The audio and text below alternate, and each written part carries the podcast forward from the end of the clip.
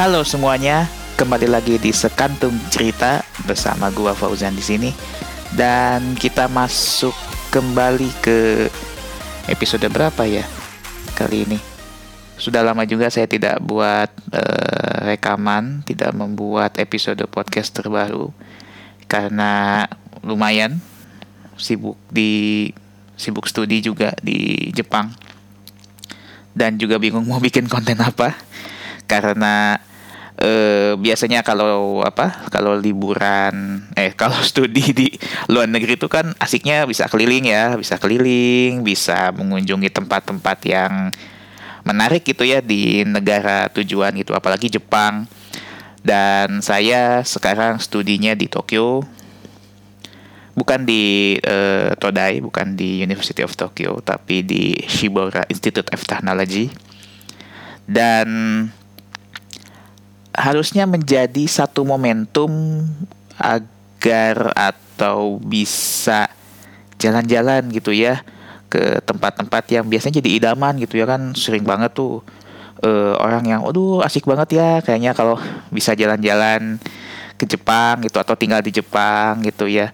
Apalagi teman-teman yang maniak anim anime gitu ya atau uh, apa uh, hobis gitu ya kayaknya tuh demen banget ya datang ke Akihabara misalnya ya banyak tuh main-main mainan gitu kemudian action figure atau misalnya uh, yang pengen jalan-jalan ke Gunung Fuji misalnya ya. Wah kayaknya asik banget ya dan sebagainya. Tapi sayang uh, situasi uh, seperti sekarang ini ya jadi tidak tidak jadi membatasi kita untuk bisa jalan-jalan bisa keliling-keliling karena agak ngeri juga gitu situasinya. Walaupun ya walaupun sekarang eh, di Jepang sendiri sudah sudah dibilang nggak terlalu nggak terlalu masalah sih sebenarnya.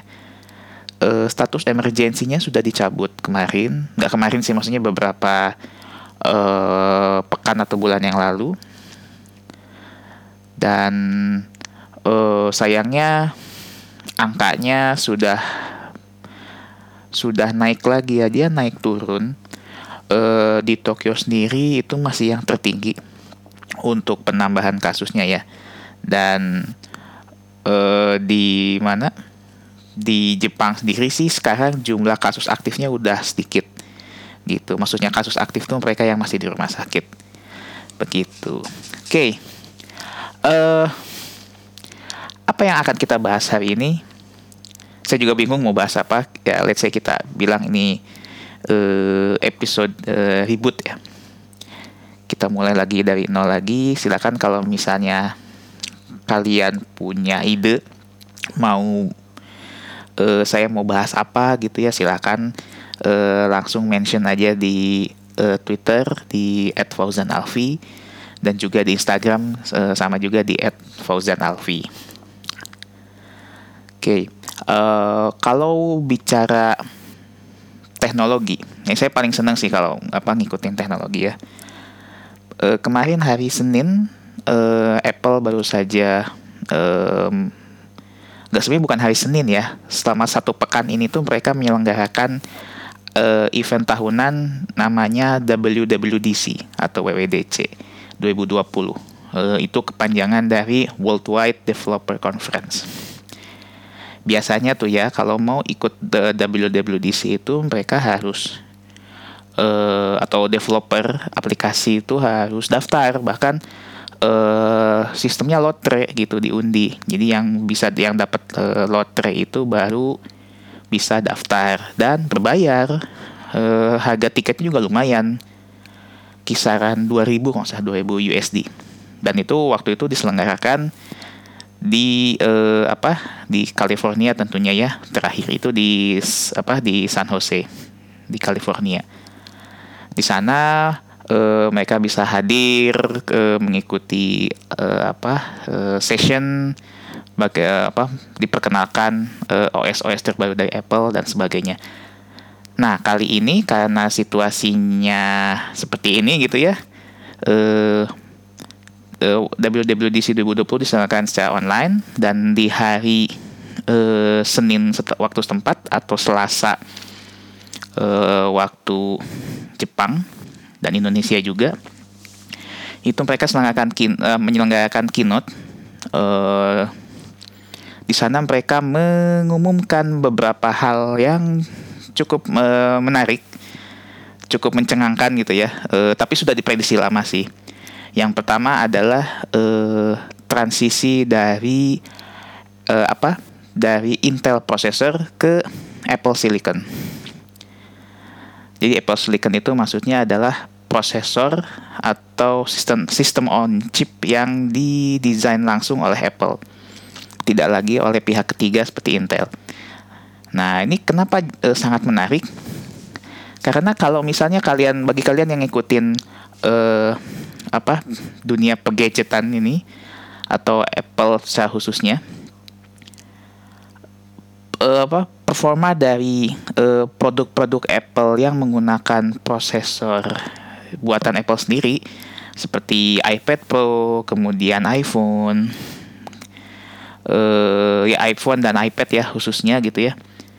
Itu ternyata performanya itu bisa melebihi dari eh, produk-produk kompetitornya gitu. Misal kalau iPad Pro itu dari segi uh, benchmark aja itu bisa melebihi uh, apa komputer-komputer yang uh, apa ya yang harganya sama atau di atas itu uh, correct me if I'm wrong ya tapi setiap performa itu emang uh, sangat apa ya uh, mencengangkan gitu dengan uh, apa bentuk yang dia hanya tipis kemudian bahkan tidak ada kipas sama sekali. Tapi performanya bisa uh, mengungguli laptop-laptop yang ada di pasaran.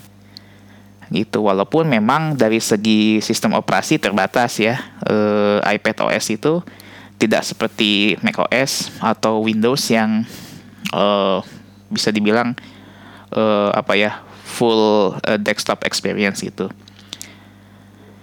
dan Uh, itulah mengapa Apple memutuskan akan melakukan transisi dari uh, prosesor Intel ke Apple Silicon. Jadi prosesor yang akan digunakan oleh Apple di uh, produk Macintosh-nya itu akan berbasis ARM. Tentu uh, dari segi bahasanya nanti akan uh, interpreternya akan berbeda gitu. Sehingga uh, bagi bagi developer yang mau sebenarnya kalau yang udah develop aplikasi iPhone itu nggak masalah karena dia akan sama gitu kan jadi katanya sih bisa langsung running tanpa masalah ketika aplikasi iPhone atau iPad yang dibuat oleh developer itu dijalankan di Mac yang menggunakan Apple Silicon. Nah, selanjutnya karena di karena Apple pakai uh, Mac Silicon uh, sorry Apple, um, Apple menggunakan uh, prosesor uh, ARM sendiri, maka uh, nanti produk Macintosh selanjutnya itu tidak bisa menjalankan Windows gitu. Ya tidak bisa running Windows gitu. Karena udah capek-capek mahal beli Mac gitu ya. Harganya bisa satu setengah sampai dua kali lipat dari laptop yang speknya di atas kertas sama tapi kok install Windows lagi gitu? Ya nggak ada salahnya sih masang Windows cuman kenapa gitu harus pasang Windows lagi gitu? Ya jadi nggak udah nggak bisa pasang Windows lagi nanti di uh, Mac yang berbasis Apple Silicon. Dan Windows juga sudah konfirmasi saat ini ya itu tidak akan menjual lisensi Windows 10 versi ARM ke uh, apa ke hal halayak umum. Jadi dia hanya menjualnya uh, berbasis OEM jadi langsung ke produsennya. Begitu. Next uh, ada juga uh, macOS uh, Big Sur. Itu ternyata macOS versi 11 jadi macOS 11 jadi uh, uh, we will say goodbye to uh, macOS 10 yang sudah melayani kita kalau saya lebih dari 10 tahun ya lebih dari 10 tahun uh, itu salah satu transisi yang dilakukan oleh Apple juga ya dari macOS 9, macOS 9 ke macOS 10. Di mana uh, di macOS 10 itu kalau tidak salah hampir uh, mayoritas teknologinya itu merupakan hasil adopsi Apple terhadap uh, next step uh, atau next step itu sistem operasi dari perusahaan Next yang dijalankan oleh Steve Jobs waktu itu sebelum akhirnya diakuisisi oleh Apple dan membawa kembali Steve Jobs ke Apple pada akhir uh, dekade 90-an. Uh, dari dari segi tampilan banyak yang berubah uh, di macOS ini uh, lebih lebih apa ya lebih uh, kayak permen gitu candy candy like gitu uh, kayak pengen di kayak pengen dijilat gitu. Tapi sekaligus dia lebih mirip kayak iOS gitu. Entah kenapa kalau dari segi tampilannya uh, kayak bisa touchable gitu. Di, di secara dimensi itu sesuai dengan ukuran jari gitu. Nggak tahu lah tapi uh, apakah ini apa ya jadi tanda-tanda Apple akan meluncurkan Mac berbasis uh, touchscreen gitu ya Mac dengan touchscreen. Tapi kayaknya nggak mungkin juga sih karena beberapa kali mereka bilang nggak akan men apa merilis Mac yang menggunakan touchscreen. Karena bagi mereka dari segi ergonomi ke touch itu harusnya ke dia tegak lurus ke bawah gitu trackpad gitu ya. Jadi lebih biar lebih nyaman ketimbang uh, apa uh, langsung menek apa touch ke ini ke layar gitu. Itu pegel banget. Dan memang saya juga setuju sih.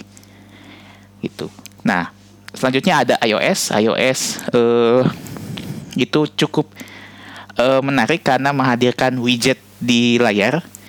Jadi iOS rasa Android ya kesannya gitu. Tapi sebenarnya uh, dia hanya memindahkan widget yang ada di sisi samping kiri ke untuk digerakkan bebas di semua halaman home screen-nya.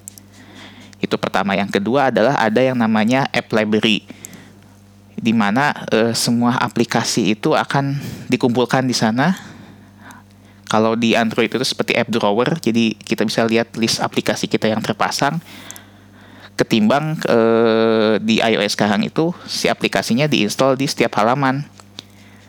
Di setiap halaman, terus kita kadang suka lupa ini aplikasi ini ada di halaman berapa gitu. Walaupun sebenarnya tinggal swipe ke bawah, search aja. Misalnya saya mau cari aplikasi TikTok gitu ya, udah ketik aja TikTok gitu atau aplikasi Word gitu. PowerPoint langsung ketik aja gitu. Gak perlu uh, apa nyari satu-satu gitu dan sebagainya. Kadang saya sering uh, bukan kadang lagi sering kali saya install pas uh, install aplikasinya uh, terus nggak tahu uh, dipasang apa diletakkan di mana itu di halaman berapa di iPhone itu. Ya udah tinggalin aja. Nanti kalau mau panggil apa kalau mau buka aplikasinya tinggal swipe ke bawah ketik aja gitu nama aplikasinya. Simple. Lalu hmm, ada masih banyak ada WatchOS, kemudian ada uh, eh, tvOS, kemarin nggak tahu di highlight ya tvOS, uh, eh, iPadOS, uh, ada beberapa fitur yang sama seperti yang di iOS. Ini iOS versi 14 ya, jadi iPadOS dan iOS versi 14. Sayangnya di iPadOS itu tidak bisa memindahkan widget ke home screen. Tidak seperti di uh, apa? Tidak seperti di iOS. Pada itu menurut saya sih oke okay banget sih bisa naruh-naruh widget di iPad gitu ya. Juga kalau tidak salah, kalau tidak salah tidak ada app drawer juga gitu. Tapi nanti dicek lagi semoga ada lah uh, di mana di iPad OS gitu fitur app uh, library, sorry app library di mana semua aplikasi itu akan di kumpulkan dan akan diatur kategorisasinya secara otomatis oleh OS gitu. Nah, banyak yang nanya kapan sih uh, semua uh, eh, OS baru ini akan dirilis? Nah, semua OS ini akan dirilis di musim gugur. Dan biasanya itu di sekitar bulan September. Jadi masih lama ya. Sekarang bulan uh, saya rekam ini di bulan Juni jadi masih ada uh, Juli, Agustus, September ya 2 2 sampai 3 bulan lagi lah. Jadi mohon bersabar. Walaupun sebenarnya bagi yang ter, yang menjadi developer terdaftar dan membayar yang dia daftar uh, developer program itu sudah bisa memasang uh, apa yang disebut developer beta. Namanya juga beta ya, masih banyak bug, masih banyak masalah. Saran saya sih sebaiknya jangan diinstal dulu atau dipasang di uh, Apple device utama kalian karena uh, pasti nanti bakal banyak masalah dan biasanya yang bakal mengganggu itu ke aplikasi bank. Kenapa? Uh, mungkin kaitannya dengan uh, keamanan juga, security dari si aplikasinya dan sebagainya gitu sehingga uh, aplikasi banking kalian tuh nggak jalan. Itu pengalaman saya dalam uh, memasang uh, apa OS beta, iOS beta di versi-versi sebelumnya. Itu pasti masalah masalah banget. Dan kalau ingin mengembalikan ke semula itu harus ya install bersih lagi. Gitu. Harus install ulang bersih lagi mau nggak mau. Dan itu ribet kan. Makanya lebih baik dipasang ke Apple device eh, yang secondary kalau punya dua ya. Jadi yang primary itu masih OS yang stabil. Kemudian yang uh, secondary gitu kalau misalnya ada eh ada iPhone nganggur nih. Nah baru pasang. Kayak gitu. Termasuk juga di Mac dan sebagainya. Mungkin aplikasinya jalan apa gitu dan sebagainya gitu ya. Aplikasi uh, bawaan Apple-nya. Tapi biasanya aplikasi ya third party ya atau yang kita download dari App Store itu yang masalah. Kita buka crash apa dan sebagainya. Atau data hilang gitu kan. Nah itu jadi masalah nanti. Jadi saran saya sebaiknya kalian jangan pasang dulu uh, developer beta gitu. Termasuk nanti yang public beta gitu. Uh, public beta sebaiknya uh, di sekali lagi developer beta maupun public beta sebaiknya dipasang di uh, Apple device uh, sekunder. Itu jadi bukan yang sering kalian pakai untuk komunikasi sehari-hari. Gitu. Oke, okay, uh, sebelum kita tutup ya untuk episode kali ini, silakan uh, kalian sekali lagi bisa request mau bahas apa, apakah uh, ingin saya bahas tentang arsitektur kah, tentang desain kah, atau tentang teknologi kah, uh, VR yang sedang saya studi sekarang atau tentang uh, eh, BIM Building Information Modeling. Atau mau bahas gadget mau bahas game juga boleh. Uh, silakan kalian langsung mention aja di medsos di Twitter, Facebook, Instagram di @fauzan_alfi. Dan terima kasih buat uh, kalian yang sudah mendengarkan sampai akhir. Dan sampai jumpa di episode sekantum cerita berikutnya.